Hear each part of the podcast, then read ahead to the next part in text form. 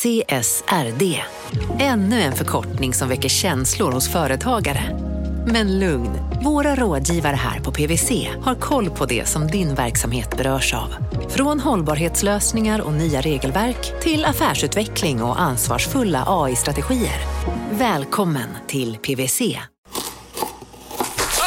Dåliga vibrationer är att skära av sig tummen i köket. Ja! Bra vibrationer är att du har en tumme till och kan scrolla vidare. Få bra vibrationer med Vimla. Mobiloperatören med Sveriges nöjdaste kunder enligt SKI. Nu är det stor vårfest på K-bygg med massor av varor till kanonpriser. Eller vad sägs om Bäckers Elite Träolja för bara 229 kronor? Ytterdörr Modern för bara 5 995 eller 25% rabatt på förvaring och skjutdörrar från Elfa. K-bygg. Bygghandeln med stort K.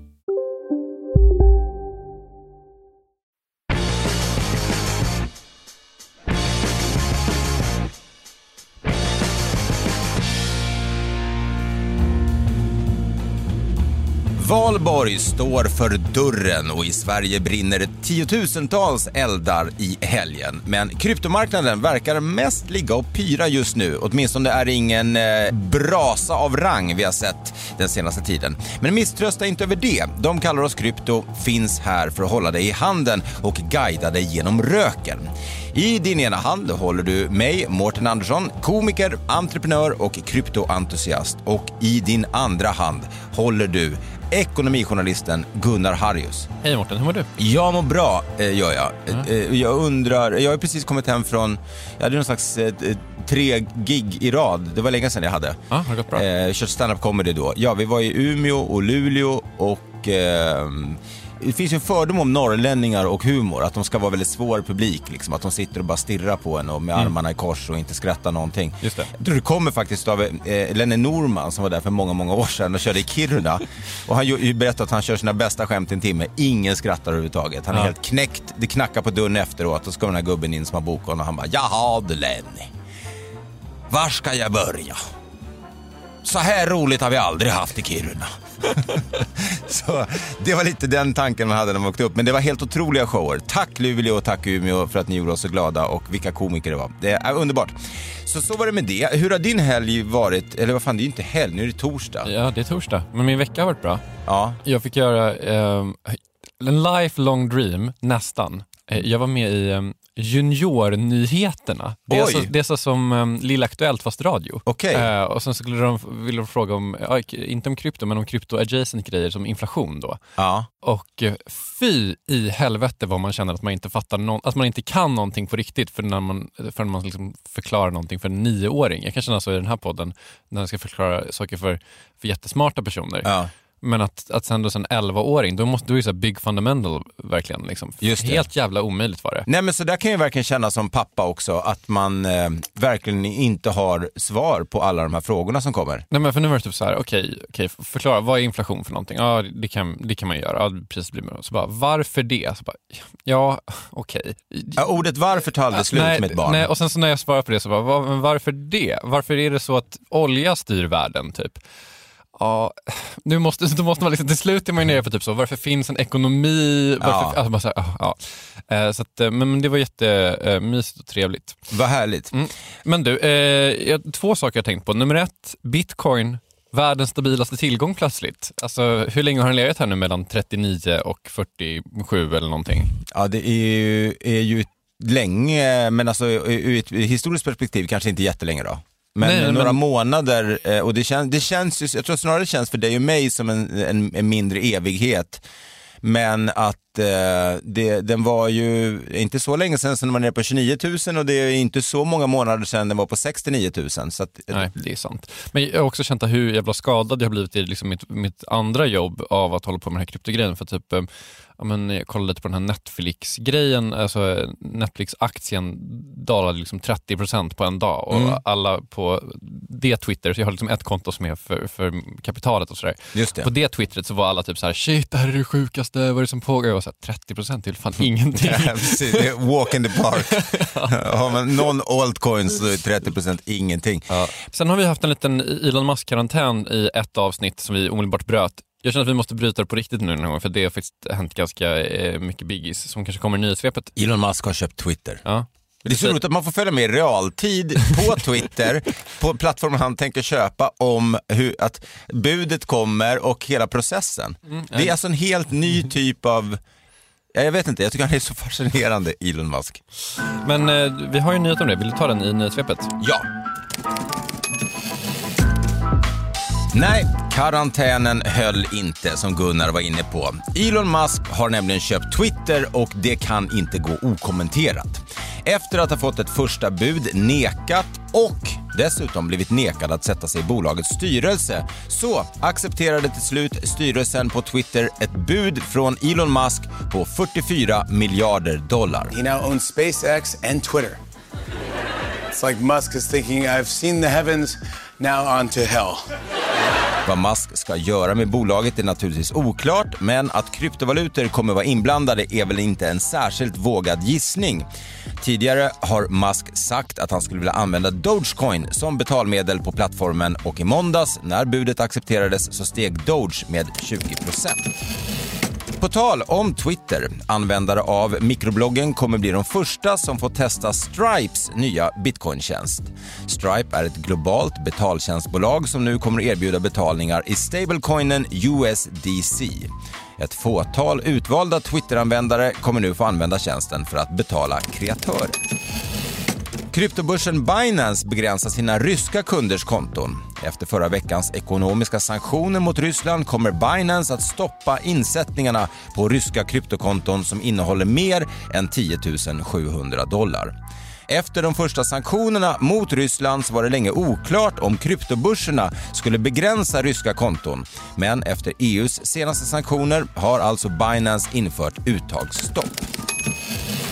Pengar från den legendariska Darknet-handelsplatsen Silk Roads Bitcoin Wallet används för att betala grundaren Ross Ulbrichts böter. Förra året gjordes en film om grundaren som 2015 dömdes till flera livstiders fängelse och böter på 184 miljoner dollar för att ha drivit sajten, som framförallt användes för knarkhandel. Dudes are buying and selling narcotics on computers. Amerikanska myndigheter har nu bestämt sig för att sälja av bitcoin från en plånbok kopplad till Silk Road för att betala av skulden. Totalt ska plånboken innehålla coins till ett värde av över 2 miljarder dollar. Bored Ape Yacht Clubs officiella Instagram-konto och Discord-server hackades i veckan. Efter att kontona togs över delades en länk till en scam som stal NFTs från ens ethereum wallets. Totalt stals 91 NFTs till ett värde av 2,8 miljoner dollar.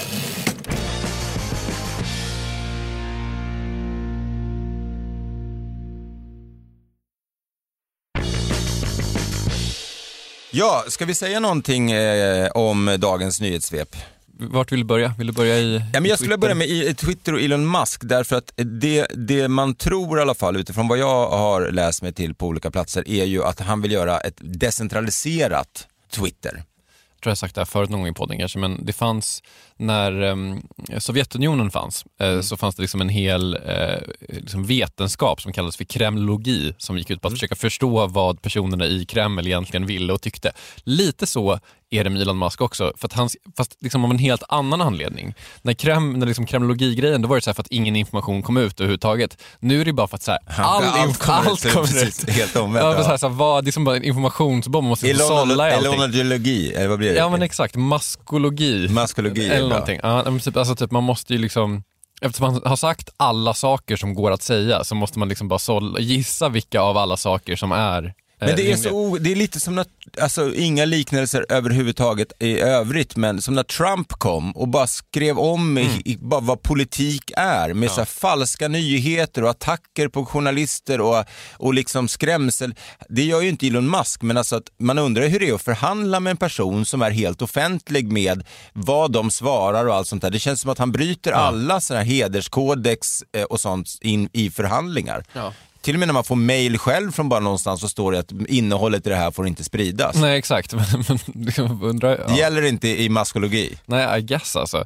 Men, eh, nej, men precis, någon slags decentraliserad plattform. Vad det nu betyder eh, kan jag känna lite grann. Ja, men det är väl att han vill få bort då ett, ett liksom, för det första så kommer det inte vara en, eh, finnas på en börs längre. Det blir privatägt Ja, av Musk. Eh, Men, men att eh, om det då blir decentraliserat så, och sen vill han ju att det ska vara helt sensor free. Ja, det låter som en sådär idé om du frågar mig. Men, ja. Ja, och det är det som är lite det konstiga också, därför att han har ju också sagt att han vill värna om individerna och allt sånt, men så vill han också ha freedom of speech. Alltså de går ju inte ihop. nej, eller, ja, nej, precis. Menar, vad jag menar, man kan ju inte ha, säga att det ska vara en, ett bra klimat eh, och sen låta folk säga vad de vill. Det bevisats ju varje dag att, Ja. att det blir inte trevligt då. Nej, precis. Det finns ju något sånt där. Och decentraliserat kommer ju bara göra att det blir än, än mindre eh, lätt, lätt att kontrollera. Jag förstår, jag får liksom inte riktigt ihop decentraliserad free speech-plattform och ägt av en enda person heller riktigt. Nej. Vad, var de två, ja, skitsamma. Någonting kommer man göra med krypto, det är uppenbart tycker jag. Och liksom, eh, om det blir eh, något memecoin doge-grej eller om det blir liksom bygga om hela plattformen till någon slags eh, NFT-informationssajt eller alltså, jag vet inte, där, där får man väl Spännande är det, men man, man, ja, man önskar att man visste mer eh, om, eh, om vad som låg bakom köpet och vad faktiskt han ser framför sig. Men eh, han ligger i alla fall inte på latsidan.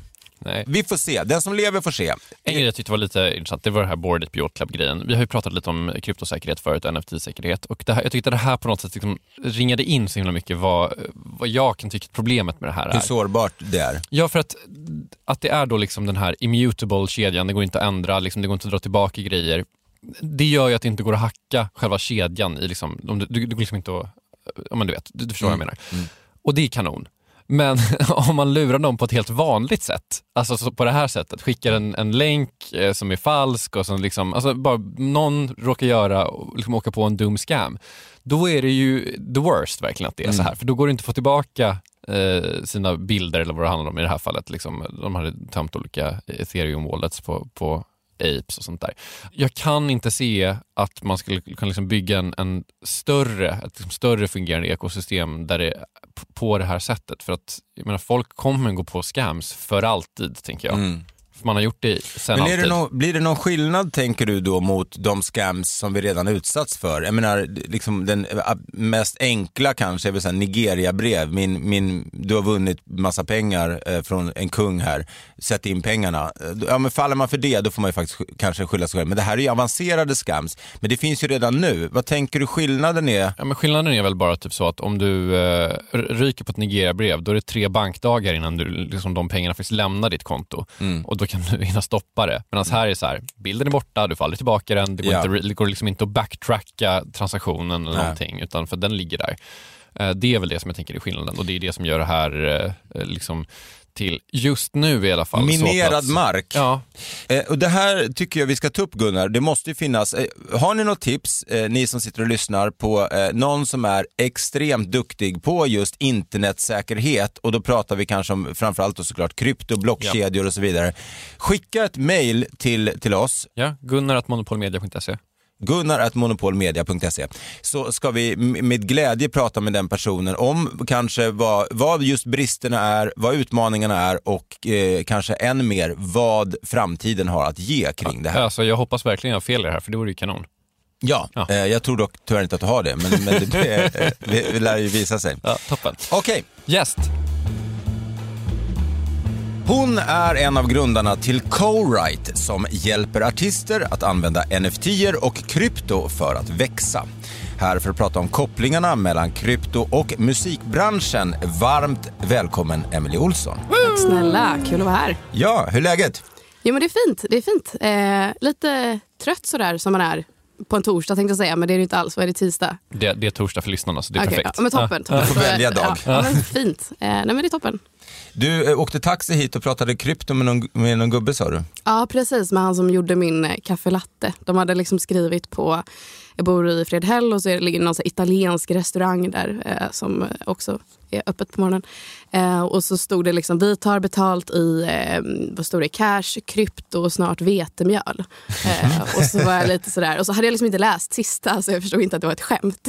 Så jag var så här, tar ni betalt i krypto? Jag bara, nej jag hade bara tråkigt en dag. Ja, Eh, Okej, fattar. Ja, men, men kanske coming up ändå. Till, Ja. Ja, eh, men man, man, jag tycker man, man kan bubbla. t- känna att det bubblar när taxichaufförer och annat börjar prata om det. Men jag tycker att det var vanligare att de pratade om det för ett år sedan än vad det är nu när man Ja, men taxi? framförallt kanske för ett halvår sedan. Alltså, då är det mycket När det var så. all time highs? Ja, när det var all time highs. Det är ju verkligen så. Jag, jag, det finns något sånt börs-saying att när, när, man börjar, när det blir börstips på löpsedlarna, då är det dags att sälja. För då Mm. kommer det gå till Lite så är det väl. När taxichaufförerna börjar eh, prata krypto, då är det läge att sälja av sina, sina grejer också. Ja, men så känns det ju liksom när man är eh, lite utanför Sverige. Alltså i LA så står det liksom på food trucksen. Där kan man ju betala med liksom bitcoin och ethereum. Och där är det liksom en helt annan så värld. Man säger liksom så här, hej vad, vad har du för NFT? Liksom. Ja, där är vi inte än i Sverige, men förhoppningsvis ska vi dit. Eh, och det vi ska prata om idag med dig, bland annat, är ju då kopplingen mellan just NFTs som du nämnde nu och, och kanske musik. Men innan vi börjar med det, kan du berätta för oss lite om din bakgrund?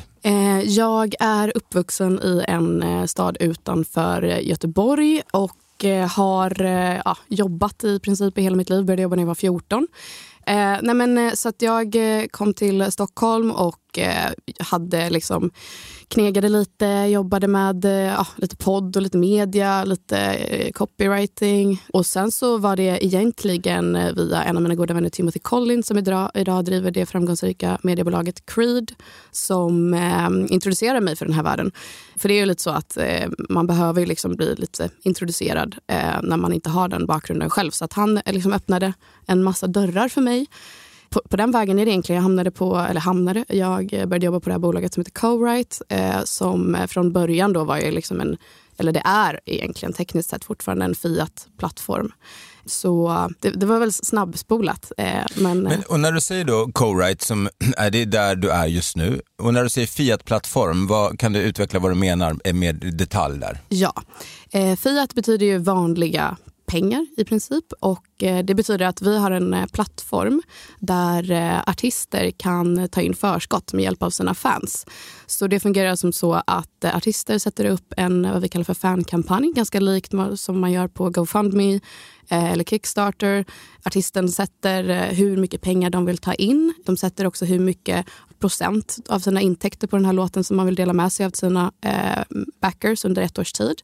Och sen så då som eh, backer eller som vem som helst som älskar musik så kan man gå in och lyssna lite grann, läsa om projektet, välja om man vill vara med och backa det här. Vill man det, eh, då får man också sen ta del av intäkterna från när den här eh, låten streamas. Så vi är också en distributör som skickar eh, musiken till alla plattformar där ute. Idag kan man inte backa med krypto riktigt än, eh, men det är på våran roadmap som det så fint heter. Men det är ju som att man, om, man då har närt någon dröm om att vara en slags A&R eh, och hitta ny talang så kan man alltså gå in och hitta artister och bara säga just den här artisten eller den här låten tror jag jättemycket på och att då köpa in sig. Exakt så.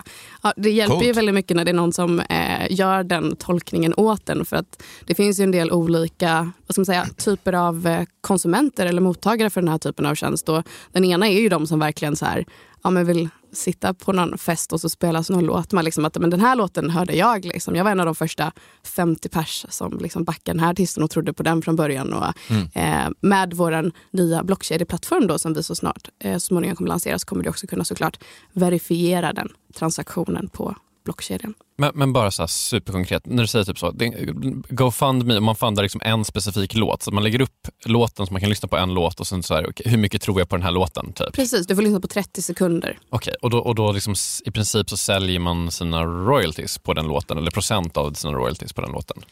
Vi rör inte det som kallas för mastern, det vill säga rättigheten till din inspelning. Den äger man som artist alltid. Okej. Ehm, till skillnad då som det ofta är på kanske ett, ett skivbolag eller ett mediebolag att eh, eh, bolaget köper loss den här mastern från artisten. Så det som den här intäktsdelningen som det egentligen är, det är att jag som artist säger att på den här specifika låten så kommer jag dela med mig av, Eh, de flesta väljer ungefär mellan 15 och 50 procent under ett års tid. Då. Efter det här eh, året så går eh, 95 procent av intäkterna tillbaka till artisten. Så det är bara från streaming, eller digital streaming helt enkelt. Så vi rör liksom inte eh, vad traditionella bolag kanske rör. Då, då kanske man tar intäkter från allt ifrån live till merch och sådär beroende på vad man har för eh, bakgrund. Men, men ba, ba, okej, om man liksom kryptospåret, här, vad har det här, om det här är en fiat-plattform just nu, vad är det som krypto kan göra här? Alltså vad har det här med krypto att göra nu? Ja, men eh, ja, vi har ju ett eh, partnerskap med ett eh, bolag som heter Chromaway. Med hjälp av dem som partners då, så har vi eh, tagit in i en privat runda för, för vår kryptovaluta. Vi tog in 6,2 miljoner dollar under förra året här. Eh, och med hjälp av det då så eh, har ju, håller vi på liksom att lansera vår utility token. Eh, och det innebär ju att man alltså får vissa typer av rättigheter när man eh, har den här token. Så det kommer vara liksom en del av det här. Ehm, sen håller vi också på att bygga vad som kallas för ehm, en play to earn-modell egentligen. Eh, där eh, artisterna helt enkelt eh, med hjälp av sina fans kommer kunna liksom ge rewards av olika slag och helt enkelt gamifiera musikbranschen på ett sätt. Så det är en del. Mm. Sen har vi också i tillägg till det så har vi någonting som kallas för fan power som är liksom det som är eh, ett rewardsystem som inte har med pengar att göra just för att vi vill ju ha så många som möjligt och då kanske det finns människor där ute i världen som tycker att det är skitkul att eh, supporta musik och vara en del av den här, det här liksom lite spelet som vi håller på att bygga. Eh, så då kan man få rewards i fanpower. Och vi har ett NFT-projekt på G med en av Skandinaviens största festivaler som också kommer bli superspännande. Som jag hade hoppats på att jag skulle få prata om idag. Men jag liksom mejlade och de sa liksom, inte riktigt än. Eh, så. Men går det utan att avslöja eh, vilken festivalen är och vilka andra artister ni jobbar med, om vi pratar just NFTs och eh, musik, är det, är, kommer ni foka just på den här grejen kring rättigheter och royalties och, eh, och eller, eller var ser ni liksom eran core business om vi pratar just NFT och musik? Ja, eh, vi har ju följt utvecklingen som, som alla liksom har följt med spänning. Eh, och det har ju förändrats ganska mycket sen vi liksom sa för ett och ett halvt år sedan att eh, nu ska vi liksom bygga på blockkedjan. Så det har ju hänt jättemycket grejer. Från början liksom kanske man tänkte väldigt mycket på det här monetära och liksom intäkter, vilket såklart är en jätteviktig del för att eh, NFT är ett nytt sätt för artister att skapa en annan intäktsmodell som de kontrollerar på ett bättre sätt än vad de till exempel gör idag med samarbeten som är en av de intäktskällorna som artister tjänar mest pengar på. Man kanske tänker att det är att vara ute och gigga och eh, när vi lyssnar på Spotify, men det är inte riktigt så. Så det är liksom en annan typ av intäktsmodell där artisterna kan bygga sina communities och sina fanbases. Liksom. Så det är där vi ser det absolut största värdet för artisterna att bygga communities. Eh, sen självklart, alltså på ett smart kontrakt så kan man ju skriva in precis vad man vill och royalties och eh, biljetter och liksom så som eh, är ganska vanligt och bygga liksom communities kring det med eh, olika kanske typer av eh, rättigheter att eh, rösta och vara med i skapandeprocessen kanske till och med.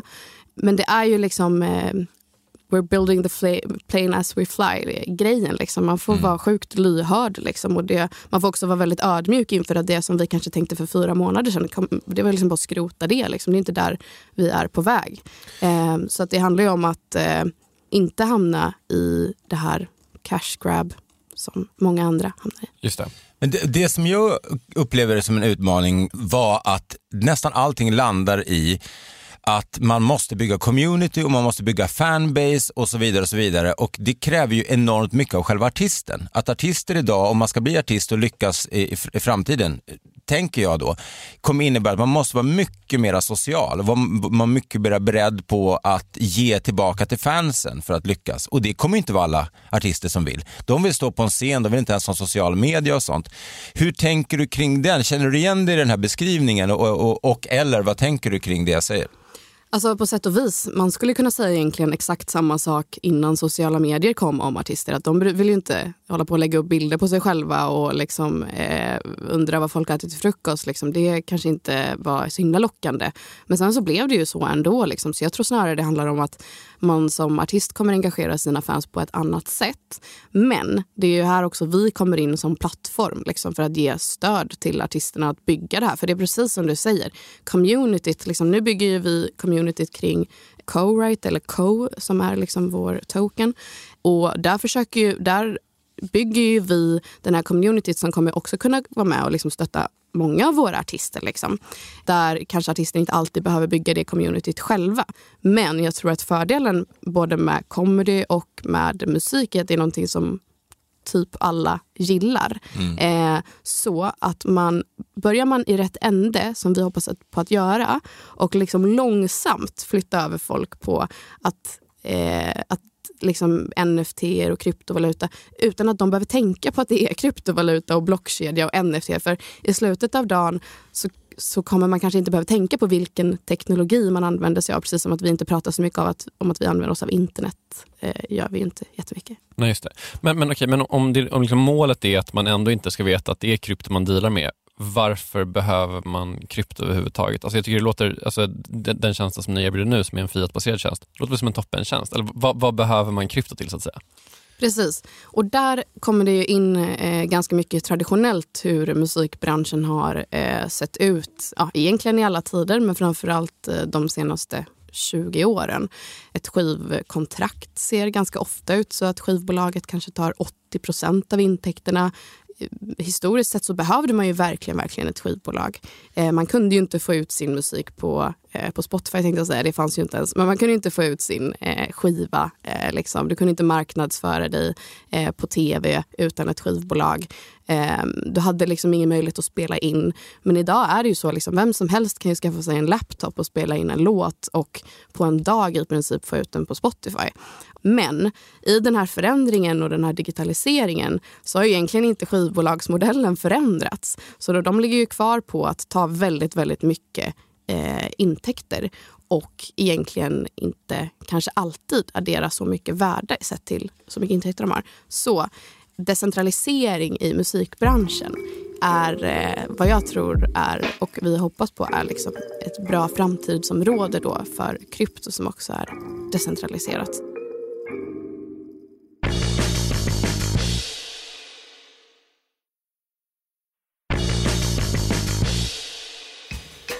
Kryptoskolan lektion 39.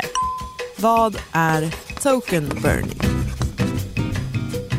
Token burning, alltså tokenbränning, betyder precis som det låter att man bränner tokens på en blockkedja så att de försvinner från systemet.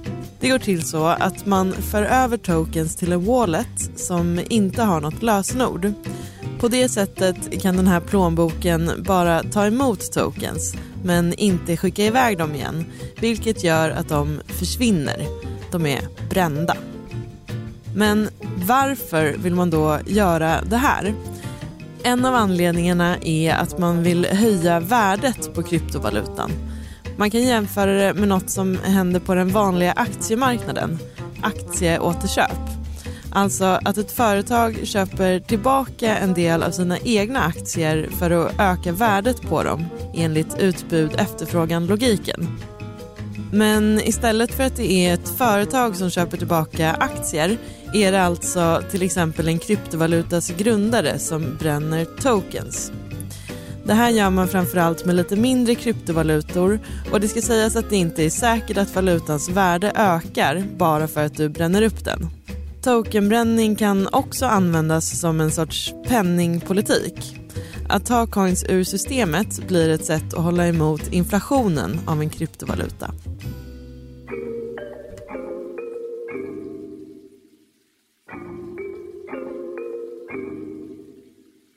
som du var inne på lite grann Mårten, det här med community-skapande, så här, det, det, är ju verkligen typ ett arbete. Alltså det, är liksom, det är ju ingenting som kommer av sig själv bara för att man typ har en token eller för att det finns en NFT. Utan så här, det är ju någonting som man verkligen så måste lägga ner jättemycket timmar på och liksom så här, man är så groundwork verkligen. Tänker du liksom att NFT och krypto liksom på något sätt förenklar den här communitybyggandet? För att jag menar så här, det, det finns väl egentligen ingenting som säger att eh, en, en stor artist idag skulle kunna bygga ett community utan krypto och att det ändå skulle hjälpa den personen jättemycket och skulle kunna släppa det utan skivbolag och så vidare. Och så vidare. Precis, ja, men det har du ju helt rätt i. Men eh, den stora skillnaden är ju att man som fan eh, idag man har ju på ett sätt tillgång till artisten på väldigt många sätt. Liksom man får insikt i deras vardag kanske via sociala medier och sådär. Men som eh, artist, eller förlåt, som fan så kanske man inte har eh, så mycket incitament att göra det där lilla extra liksom, som spelar väldigt stor roll. Så att jobba med rewards eh, gentemot fansen och liksom, där kommer liksom den gamifieringen in. Liksom, att skapa någonting härligt liksom, där man kan få den här, du var den första att upptäcka den här artisten, badgen eh, eller liksom den typen av eh, assets. Ja, typ att play to, play to earn-grejen blir då engagements. Eh, alltså har du retweetat, har du pushat, har du lagt upp den så kan du få tokens menar du? Alltså till exempel Precis, som det är ju liksom i det, lång, det, är, det är det långa loppet. Liksom. Men det handlar ju snarare om att det ska vara roligt och härligt och kul. Liksom. Men eh, jag tror också att man låser sig lite grann om man ska försöka fun- för, fundera. Alltså, äh, vi har någonting här nu som är superspännande och som är jättehärligt och en teknologi som man liksom följer med spänning. Allt som man kan bygga på det här. Jag tror att det handlar om ett ekosystem. Liksom, där att om man tänker idag hur det är att bygga ett community inom krypto och NFT. Jag tror inte att det är så det kommer se ut om ett tag. Vi är liksom så jäkla mycket i början. Absolut att vissa frågor kan vara sjukt svåra att svara på hur det ser ut just idag. Eh, men jag tror att eh, det kommer vara ett ekosystem med olika typer av spelare som möjliggör de här communitybyggande och allting runt omkring. Jag håller med dig på ett sätt verkligen. Att det är typ så, ja okej, det är tidigt och det och mm, liksom, eh, vi vet inte vad det här kan bli och det är liksom nästan dumt att spekulera i vad det skulle kunna bli och så vidare. Men jag menar om man ändå ska, det är också så himla icke-produktivt att inte tänka på vad det är just nu och inte tänka på typ så här, vad kan man faktiskt göra exakt just nu. För att jag menar så här, det måste ju börja någonstans och, och typ så här, internet 96 och utility tokens och gamification. Alltså så här, för, för många är det här bara buzzwords. Jag måste erkänna att jag har lite svårt att typ så här, höra framför mig typ så här, exakt vad kan ni eller vad kan liksom typ krypto erbjuda musikbranschen som typ räddar den inom citationstecken om den nu ens behöver räddas? Eh, ja, alltså det är ju såklart en, det är såklart en superbra fråga. Klarar branschen sig utan det nu? Eh, ja, absolut. Men förhoppningsvis, det är, liksom, jag menar, det är väl ingen som skulle sakna det om det försvann imorgon. Men eh, vårt bett är ju att vi med hjälp av framförallt blockkedjeteknologin kan bygga någonting som kan förändra branschen. Sen är det liksom en, en long run. Vi snackar ju liksom 10-15 år innan vi är där.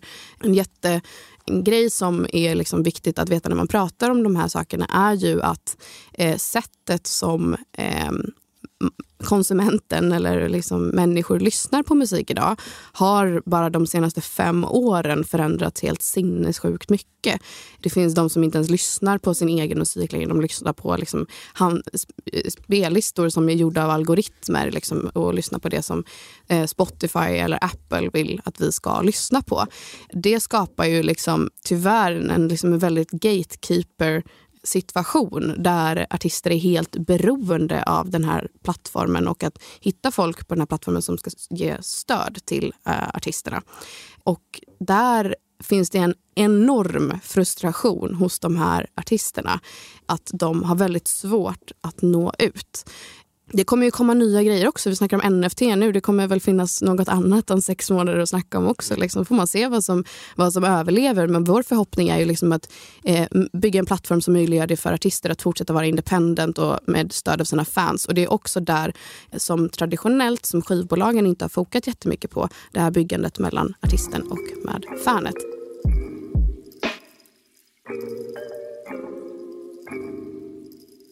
Nu eh, har vi liksom pratat väldigt mycket om hur otroligt svårt det är att spekulera i de här grejerna och liksom hur svårt det är. Men om man ändå ska liksom avsluta med att eh, måla lite så breda penseln, eh, någon slags blandning mellan typ så förhoppningar och Förväntningar. för, vad, vad tror du liksom musikbranschen kommer bli med hjälp av blockchain-teknik? Jag hoppas på att den blir decentraliserad.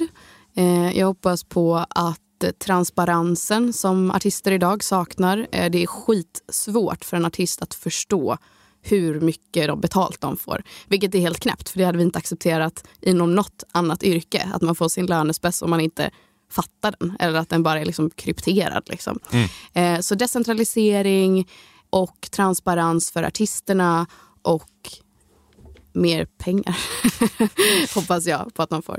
Ja, men nya typer av, eh, jag fyller i lite här, men med NFTs som ju, i alla fall om jag får gissa, kommer vara den stora grejen. För att jag menar det som har varit förut, om man är, säg, jag tar komikerexempel för det är det enklaste för mig, men om du har tidigare köpt en DVD och komikerna kunde köpa, eh, tjäna enorma pengar på det, så släpper ju ingen DVD och då är det så här en streamad grej, ja men då är det Netflix eller något liknande som kommer köpa streamingen. Men vad har du då för så här, tröjor och grejer, är det det det kommer vara? Nej, då kanske det, är, då kanske det börjar bli då wearables, så du kan ha liksom, kläder som både är digitala och fysiska för en artist eller det är just rättigheter. Är det ett samlarobjekt eller säljer man kommersiella rättigheterna till och man, man hamnar ju då i så här, vad är jag beredd som artist att släppa för att få pengar. Men det där kommer ju utvecklas naturligtvis massor och varje artist får välja sitt sätt. Men eh, jag, jag, jag, jag hör dig och jag förstår dig när du säger att det är väldigt svårt att svara på vissa frågor. Därför att vi, det händer medan vi sitter här just nu. Och massa olika smarta hjärnor kommer slås ihop och vi det vi ser av NFTs nu kontra ett år sedan, bara det är ju en enorm skillnad Ja. med olika DAOs och, och liksom så vidare. Verkligen. Och, och eh, där så eh, vill jag också bara säga att precis som att nu är ju någonstans så utvecklas ju allting ut efter de som är konsumenterna. Och det är ju fortfarande väldigt mycket liksom early adopters. Och jag tror att när desto mer liksom massan kommer att eh, liksom eh, akklimatiseras och liksom onboardas så kommer det också dyka upp nya typer av beteenden och nya typer av liksom efterfrågan. Eh, det tycker jag också är väldigt spännande att följa vad som kommer att hända när, eh, ja, när det händer helt Men enkelt. just det här med rättigheterna tycker jag är rätt häftigt när, om man, släpper, när, när man släpper, inte bara så att nu äger dina rättigheter till, men vad gör man då med rättigheterna? Eh, till exempel, jag är inne i ett projekt som, ett av alla NFT-projekt på Terra Luna som jag är inne i heter Unstables, eh, Guardians of Terra. Och det är då eh, eh, olika vargar eh, och, och grejer i olika färger, men det är riktigt snyggt artwork. Och grejen är, där har man 100% commercial rights. Och vad har hänt då? Jo, olika människor har ju börjat använda sina grejer till att göra nya grejer. Och helt plötsligt blir det blir som remixar om vi ska prata musik. Att om du helt plötsligt släpper delar av det och någon annan får använda det, vad händer då när Snoop Dogg blandas med någon helt okänd talang som lyckas använda hans eh, vocals på beats som kanske den här killen har gjort. Jag tror att det kommer att bli väldigt häftigt kreativt beroende på hur mycket som släpps i, i rättigheter. Men Det är väl det man hoppas på också, att om man, om man ska liksom uppnå den här decentraliserade, lite mer independent musikbranschen, att, det också ska liksom, att musiken ska bli mindre likriktad också. Alltså, eller, att det, eller mindre likriktad, men att det ska finnas liksom utrymme för ett, en större bredd av eh, liksom konstnärligt uttryck. Eller, hoppas jag i alla fall. Ja, ja, men verkligen. Och jag, jag tror också att det kommer skapa massa härliga kreativa eh, lösningar för artister. Och förhoppningsvis så kommer det också inte komma ett bolag som eh, bara centraliserar allting. För då är, det, eh, då är vi tillbaka igen. Ja, på- tillbaks på ruta ett. Yes. Ja, ja, det är väl alltid, alltid the fear som man slutar med här. Ja. Ja. Tack så hemskt mycket. Eh, vill du säga något sista innan vi säger tack och hej till dig, Emily Olsson? Ja, men gärna. Eh, dels kan man eh, logga in, registrera sig och logga in på cowrite.com där man redan idag kan eh, utforska en massa artistprojekt som man kan vara med och backa. Hur stavar Eh, man det? Eh, C-O-R-I-T-E.com. Man kan säkert se något om det i beskrivningen kanske också. Säkert. Eh, och sen så kan man också kolla in co-write-sammanstavning.org där man kan se våran roadmap och läsa vårt white paper eh, och sådär. Och sen så får man såklart gå med i alla Telegram och Twitter och sådär om man tycker att det är Och spännande. vilken tid ska man stå på kajen för att åka med med båten? Mm, bra fråga, mycket bra fråga. Ja, tack. Eh, ganska snart. Ganska snart. Häng med. Ja, eh, med det sagt, stort tack till, till dig Emily. Lycka till med allting i framtiden. Tusen Får vi tack. se om våra vägar korsas igen. Gunnar, eh, det var allt. Det var allt. Nästa vecka så ska vi eh, fokusera lite mer på typ, eh, investeringar och den typen av grejer. Det blir spännande också tror jag. Eh, då kommer en person från North Zone som är någon slags proffsinvesterare hit och ska prata om, Äntligen. om webb 3 och kryptobolag och eh, cash. Det låter mycket spännande. Ja. Det ser vi fram emot. Då är det torsdag igen, precis som det var idag. Och det är ju då De kallar oss krypto kommer ut. Vi hoppas att ni har haft eh, lika trevligt som vi och att vi hörs nästa vecka. Eh, jag heter Mårten Andersson. Jag heter Gunnar Harjus. Hej då! Hej då.